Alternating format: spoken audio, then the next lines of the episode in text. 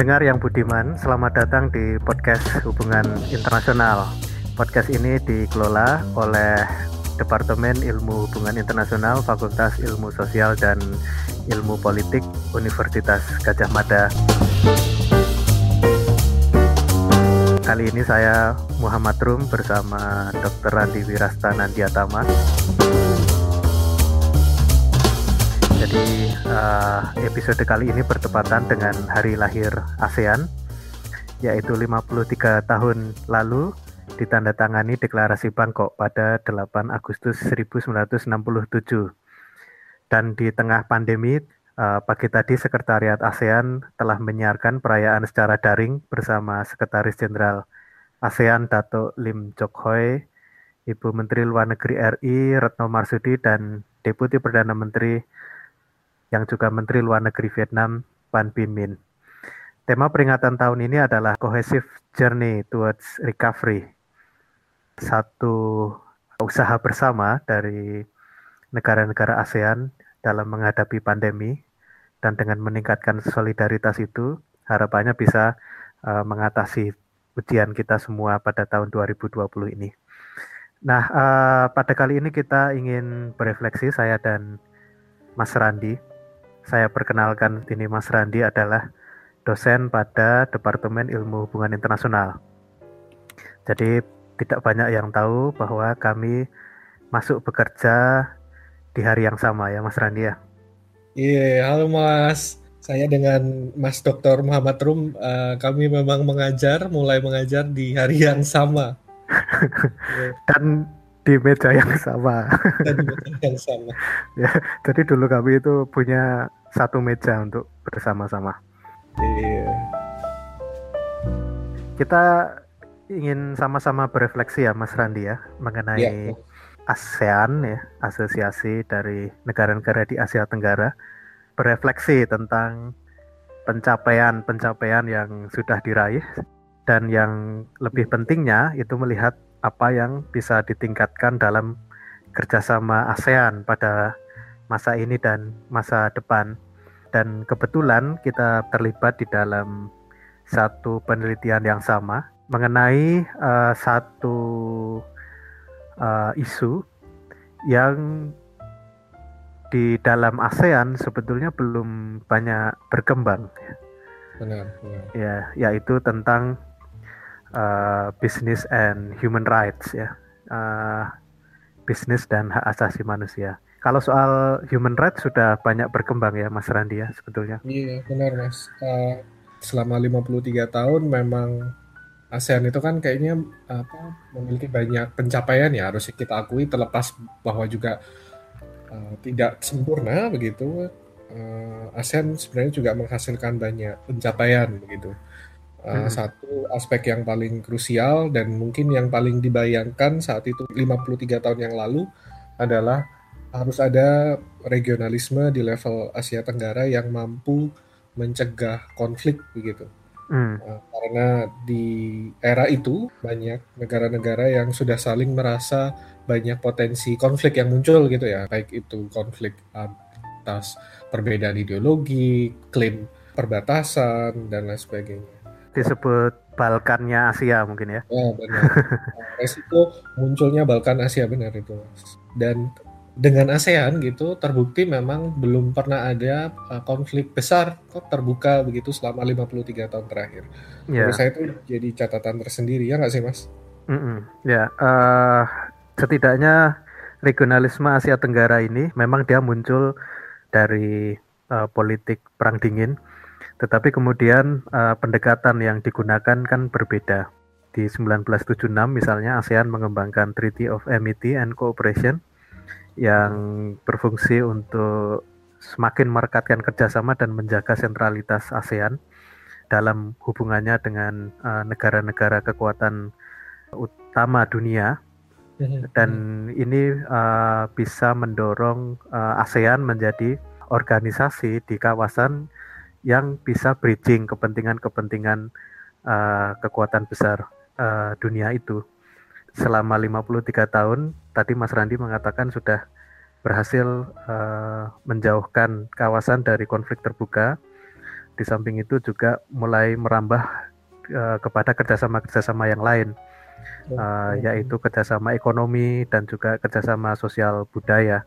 Di bidang uh, politik keamanan juga termasuk uh, sangat intens. Ada ASEAN Regional Forum uh, dan juga sekarang ASEAN punya outlook juga ya untuk uh, konsepsi Indo-Pasifik. Indo-Pasifik benar. Ya. Jadi stabilitas yang didapatkan di kawasan ini juga memunculkan atau menghasilkan satu kesempatan bagi negara-negara di kawasan untuk berkonsentrasi dalam pembangunan dan pertumbuhan ekonomi. Dan ini baik artinya bagi kehidupan masyarakat ASEAN secara umum, uh, meningkatkan uh, standar hidup, dan pada akhirnya itu semua spill over ke uh, pemahaman masyarakat terhadap demokrasi, terhadap pentingnya uh, kehidupan yang uh, bebas, kehidupan yang uh, terjamin, dan juga penghargaan pada hak asasi manusia.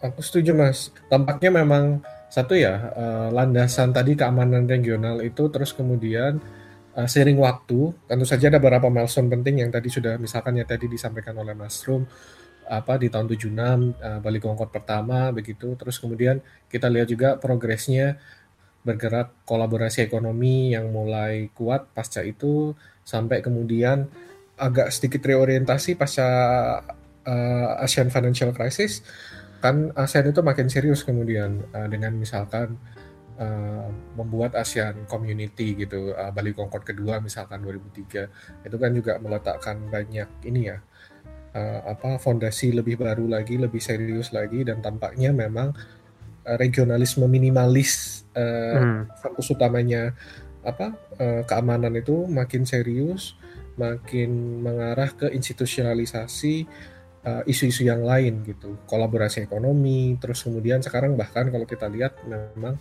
di banyak uh, isu, uh, misalkan hak asasi manusia gitu, uh, sampai di ASEAN Charter, terus kemudian munculnya uh, ASEAN Intergovernmental Commission on Human Rights (ICHAR) di tahun 2009, terus kemudian bahkan ada ASEAN uh, Human Rights Declaration tahun 2012 tapi kalau kita lihat itu ada hal yang menarik sih, Mas. Uh, salah satu refleksi kita juga kan uh, hmm. bahwa kemudian uh, ada beberapa isu yang juga kayaknya kita lihat juga masih agak gamang gitu. Misalkan uh, isu yang spesifik uh, terkait dengan turunan isu hak asasi manusia adalah isu tentang uh, apa business and human rights. Kalau kita tahu kan PBB hmm. saat itu sebenarnya sudah mendorong uh, karena memang praktik uh, ekonomi di dunia itu belum banyak ya. Uh, kayaknya terjadi selama bertahun-tahun, uh, selama berdekade-dekade ada gap gitu antara praktik bisnis dengan kemudian urusan hak asasi manusia. Karena urusan hak asasi manusia itu selalu kemudian sering dikaitkannya dengan uh, duty bearer dan uh, rights holder gitu. Jadi antara warga negara dengan negara gitu. Nah, praktik bisnis yeah. tidak banyak uh, berurusan dengan itu. Padahal kalau kita lihat ketika dunia makin kompleks, ada uh, eh, MNC, transnational companies itu kan sebenarnya juga berkontribusi toh dalam praktik yang atau yeah. bahkan di banyak kasus juga bisa jadi salah satu uh, pelanggar hak asasi manusia. Nah, kayaknya uh, kesadaran itu mulai muncul dan mengemuka kuat sampai akhirnya PBB tahun 2011 mengumumkan yang disebut sebagai United Nations Guiding Principle on Business and Human Rights. Nah, idenya isinya yeah. uh, apa dorongan terhadap negara berarti harus bisa uh, memproteksi awareness pada bisnis dan kemudian mendorong bahwa uh, praktik pelanggaran HAM terhadap kasus bisnis harus bisa direspon secara cepat, memberikan remedy uh, yang cepat. Nah, dari hmm. dorongan itu sudah banyak sebenarnya bergulir di banyak kawasan EU punya respon yang berbeda, sedikit berbeda. Organisasi Amerika Latin juga merespon, Afrika juga merespon. Mereka semua, walaupun dengan cara adopsi yang sedikit berbeda, tapi merespon itu. Merespon konsep yang namanya business and human rights gitu. Nah, di ASEAN agak unik karena kalau kita lihat uh, yang paling relevan, unit yang paling relevan di ASEAN itu kan sebenarnya ini ya pilar ekonomi ya ASEAN Economic Community tapi yeah. AEC, AEC ya. Tapi belum sampai sekarang AEC tidak pernah kayaknya mengeluarkan statement atau kemudian kesepakatan yang merespon isu itu. Ya, belum ada dokumen resmi yang secara spesifik membahas business and human rights ya di AEC. Uh, itu juga kayaknya salah satu tantangan ASEAN ke depan kayaknya ya Mas ya. Hmm, oh. Dulu pernah sempat kami jumpa Pak Surin Pitsuan mendiang. Oh, mendiang. Uh, waktu itu beliau cukup confident ya bahwa ASEAN ini adalah organisasi regional nomor dua lah setelah European Union. Hmm. Tapi saya rasa itu juga uh, pernyataan yang sifatnya uh, general ya. Kalau kita berbicara soal business and human rights, mungkin kita bukan nomor dua, tapi masih ada di bawah mungkin tadi yang disebutkan Mas Randi, Organization of American States atau African Union. Uh, dan ini jadi kesempatan sebetulnya karena kita menjadi punya banyak ruang ya, untuk mempelajari apa yang sudah dikembangkan di tempat lain dan uh, mencoba untuk memperkenalkannya di uh, Asia Tenggara melalui ASEAN. Kalau menurut Mas Randi bagaimana uh, upaya untuk memperkenalkan business and human rights di ASEAN secara umum sejauh mana kita sudah mulai membahas itu melalui regionalisme. Enggak. Kalau kita lihat uh, perkembangan isu hak asasi manusia dan terutama isu dengan business and human rights bukan berarti tidak pernah dibahas sama sekali di level ASEAN sebenarnya.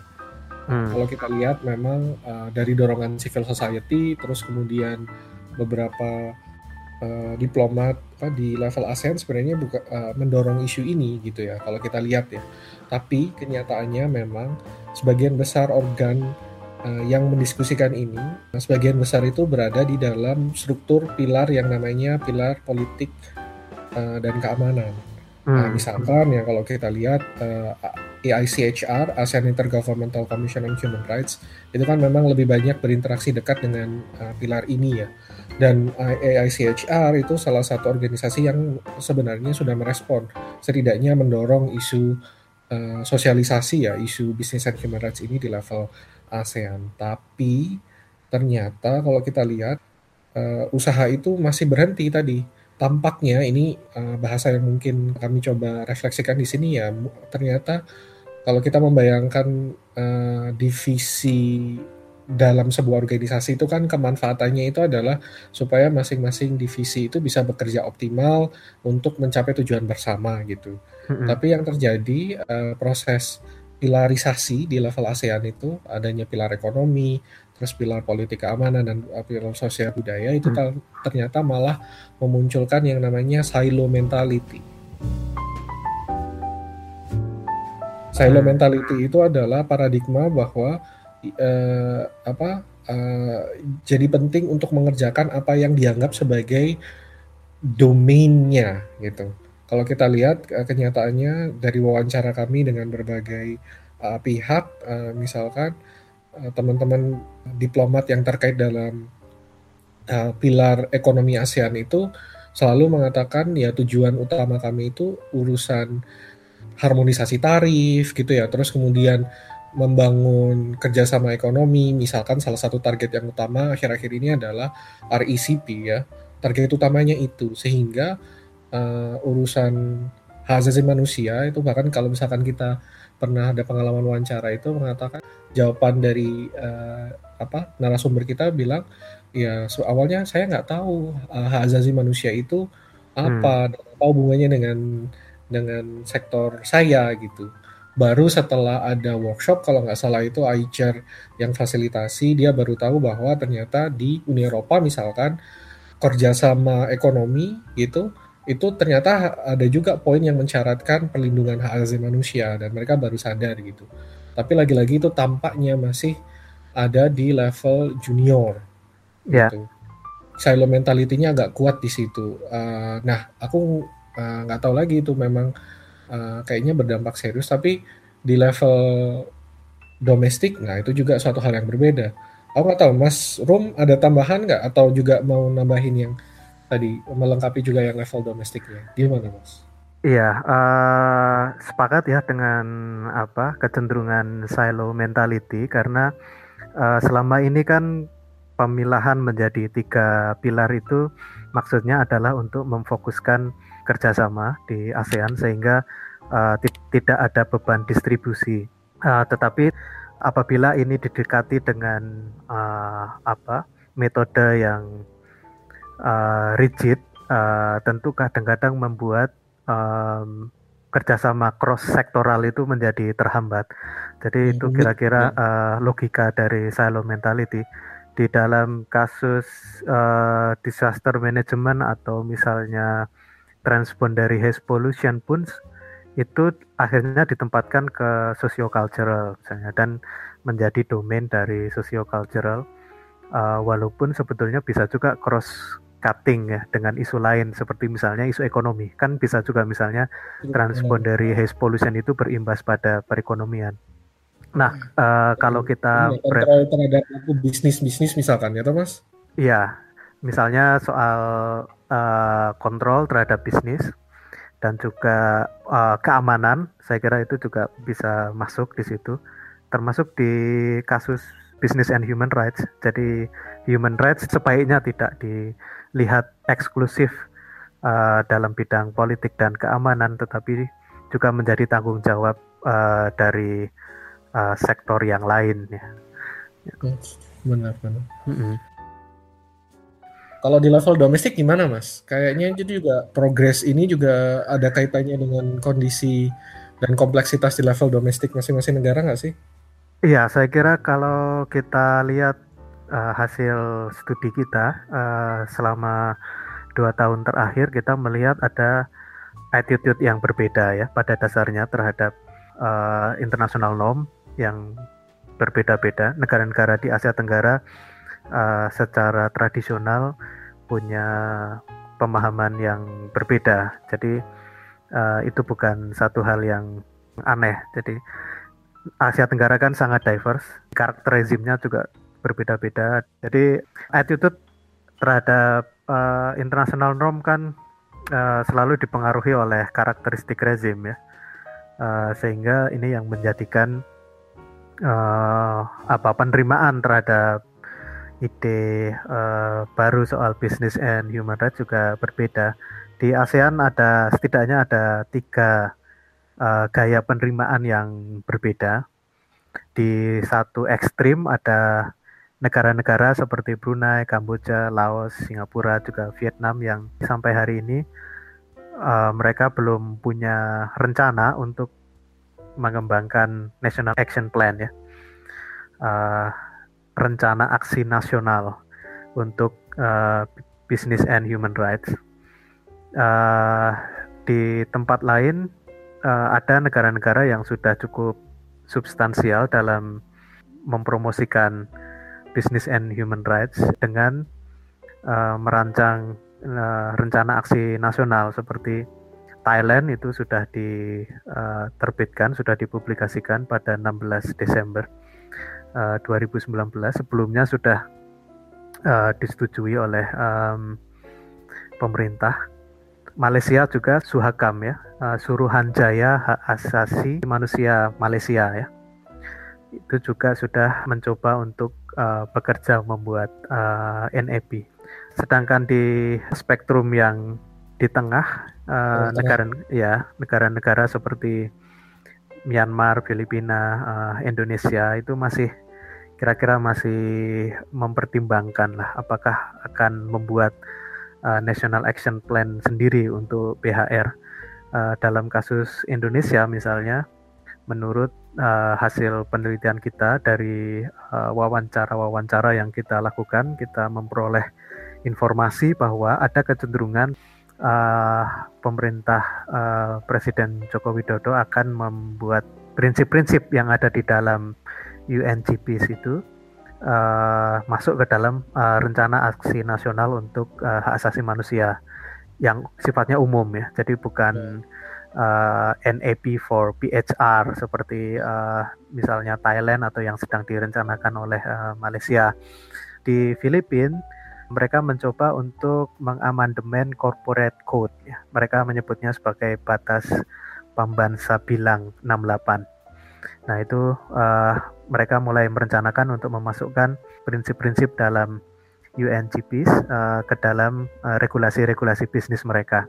Hmm. Nah, sedangkan di Myanmar ini sudah mulai diperkenalkan uh, CSO-nya juga banyak bergerak di situ ada Myanmar Center for Responsible Business. Uh, mereka sudah publish uh, Business and Human Rights Country Guide yang mereka publikasikan dengan uh, bantuan Danish Institute of Human Rights, Uh, lalu mereka juga uh, sudah mulai memikirkan untuk apa ya merancang memasukkan uh, elemen-elemen uh, UNGP ke perjanjian uh, perdagangan dan penanaman modal. Uh, hmm. Juga requiring ya beberapa uh, corporations yang bergerak di Myanmar untuk uh, memenuhi standar-standar uh, hak asasi manusia. Nah sehingga kalau uh, kita lihat nampaknya ada tiga uh, kecenderungan ini, Mas uh, Randi. Jadi ya, ya. yang transformasional tadi yang sangat uh, positif setidaknya sampai tahun ini uh, Thailand sudah uh, mengadopsi uh, National Action Plan, lalu juga uh, Malaysia ya, pemerintah juga sudah mengumumkan akan uh, meluncurkan NEP. Indonesia, Filipina, Myanmar masih di tengah-tengah dan itu menunjukkan adanya ketidakseragaman langkah ya yang diambil dari civil societies maupun eh, lembaga-lembaga uh, di pemerintahan. Walaupun semuanya uh, ketika kita uh, teliti dan lakukan wawancara hampir semua uh, narasumber uh, dan kementerian-kementerian terkait itu sangat positif uh, terhadap uh, business and human rights. Sehingga kita bisa bilang bahwa Indonesia, Filipina maupun Myanmar ini ada di dalam uh, track developing lah ya. Uh, nah, strategi yang khusus. tendensinya uh, positif gitu ya? Ada tendensi positif, ada upaya-upaya sosialisasi, kemudian ada internalisasi gitu. Walaupun mungkin belum sampai kepada mengumumkan penerbitan National Action Plan. Nah, sedangkan Brunei, Kamboja, Laos, Singapura dan Vietnam lebih cenderung untuk kita mengatakannya lebih uh, konservatif. Bahkan kalau di Singapura yang lebih banyak diulas adalah corporate social responsibility ya, Mas Randi. CSR. Uh, iya CSR.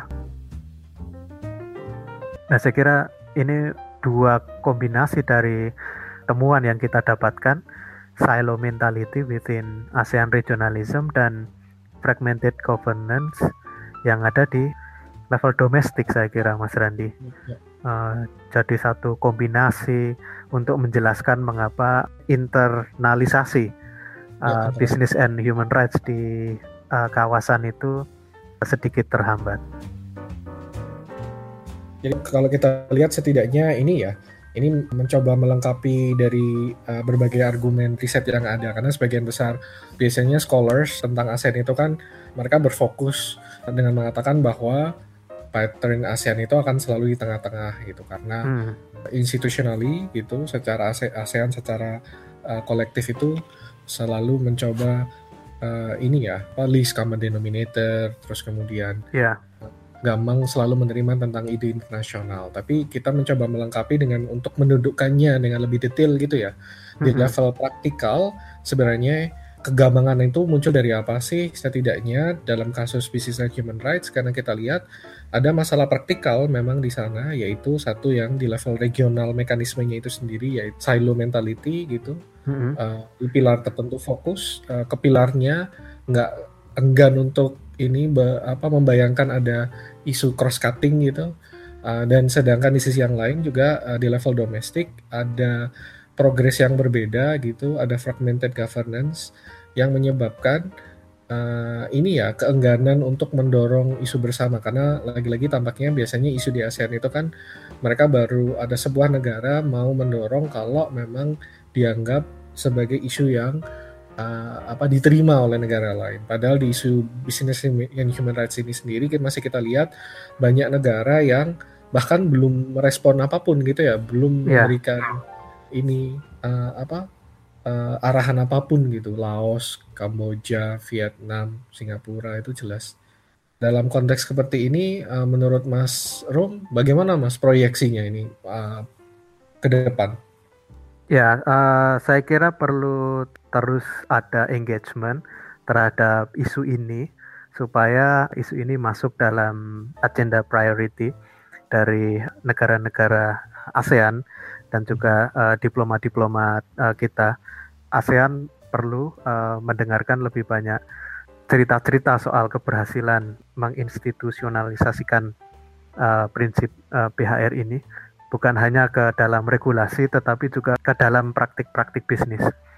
Saya berpikiran jangan-jangan uh, praktik bisnis juga sulit untuk memahami uh, konsep BHR itu karena mereka uh, masih berbicara dengan uh, bahasa cost and benefits ya sebagai uh, komunitas bisnis mereka pasti berbicara mengenai keuntungan atau manfaat yang bisa diperoleh dari uh, penerapan prinsip BSR. Tapi kalau kita lihat sebetulnya prinsip-prinsip BSR ini justru pada akhirnya akan memperkuat pertumbuhan ekonomi dalam artian pertumbuhan ekonominya menjadi lebih sustainable. Dia akan lebih bisa memberikan manfaat kepada uh, masyarakat yang lebih luas dengan penghargaan terhadap hak-hak mereka maka kehidupan mereka menjadi lebih uh, terjamin dan pada akhirnya akan mendukung produktivitas agregat dari uh, masyarakat ekonomi itu sehingga ekonominya menjadi uh, lebih uh, kokoh beberapa prinsip yang juga uh, bisa diadopsi oleh uh, kalangan bisnis misalnya prinsip-prinsip ekologi misalnya atau perlindungan lingkungan. Bisnis mampu mentranslasikan itu misalnya dengan tidak menyediakan straw apa uh, sedotan. Jadi walaupun itu simple tapi itu salah satu uh, contoh ya bahwa bisnis pada akhirnya juga apabila engagement itu dilaksanakan secara intens, bisnis juga pada akhirnya uh, bisa memahami gitu apa yang dimaksud misalnya dengan uh, prinsip-prinsip uh, climate justice dan lain sebagainya itu. Ya harapannya bukan sekedar gimmick ya Mas Randi. Ya ya setuju Mas. Jadi memang ini ya apa di tengah-tengah tadi uh, tantangan silo mentality dan fragmented governance uh, yang uh, muncul lagi itu adalah sebenarnya bagaimana juga narasi uh, uh, dan frame uh, tentang bisnis human rights itu sendiri di Asia Tenggara. Kalau hmm. kita tahu memang sebagian besar bisnis itu selalu menganggap isu HAM, isu asasi manusia atau isu regulasi itu selalu kemudian secara cepat ditangkap sebagai cost gitu ya, sebagai uh, beban gitu, beban tanggungan. Hmm oh berarti aku harus melakukan cost tambahan uh, untuk melakukan ini ini ini ini padahal tadi sesuai dengan Mas uh, Rum sampaikan tuh ini ya uh, butuh kesadaran untuk lebih hati-hati mengkalkulasinya karena jangan-jangan itu bisa dimaknai bukan dalam aspek cost malahan ya ketika kita mempraktekkan yeah. pelindungan HAM itu malah sebenarnya bisa jadi benefit gitu. Yeah uh, ekonomi akan lebih sustainable uh, terus kemudian bisa jadi tadi juga mas ya dalam banyak kasus itu bisa jadi uh, brand gitu ya hmm. uh, uh, apa uh, kayak tadi isu uh, apa ekologi itu salah satu keberhasilan uh, beberapa kampanye ekologi itu kan memang uh, dilekatkan dengan brand dan akhirnya memperkuat ya. brand itu gitu ya itu menurutku uh, emang bisa jadi solusi. Mungkin yeah. yang lain lagi sebenarnya Mas, aku juga membayangkan ASEAN sendiri perlu peka juga ya atau juga lebih menyadari bahwa uh, selama ini ada isu cross cutting yang penting gitu. ASEAN sendiri perlu juga sadar bahwa untuk membuat regionalisme ini relevan, dia harus dibangun pada isu-isu yang sederhana gitu. Dan hmm. sering kali dalam banyak hal isu-isu yang sederhana ini sebenarnya isu cross cutting, isu tadi perlindungan migran, terus kemudian yeah. isu apa uh, kesehatan gitu ya. Terus dalam hal ini uh, pelindungan HAM dan semakin ASEAN peduli pada isu-isu cross cutting ini sebenarnya uh, akan berujung pada kesadaran pentingnya regionalisme gitu. Iya, dan pada akhirnya memperkuat solidaritas yang ada di Asia Tenggara sendiri karena mekanisme yang dibuat uh, di ASEAN itu bukan saja akan memberikan benefit pada satu negara saja, tetapi semua negara dan komunitas ASEAN secara umum, saya kira.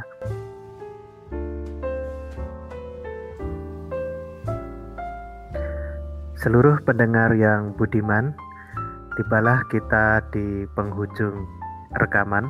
Demikianlah refleksi dari kami. Selamat ulang tahun ASEAN yang ke-53. Uh, terima kasih juga uh, sudah mendengarkan podcast HIUGM. Terima kasih.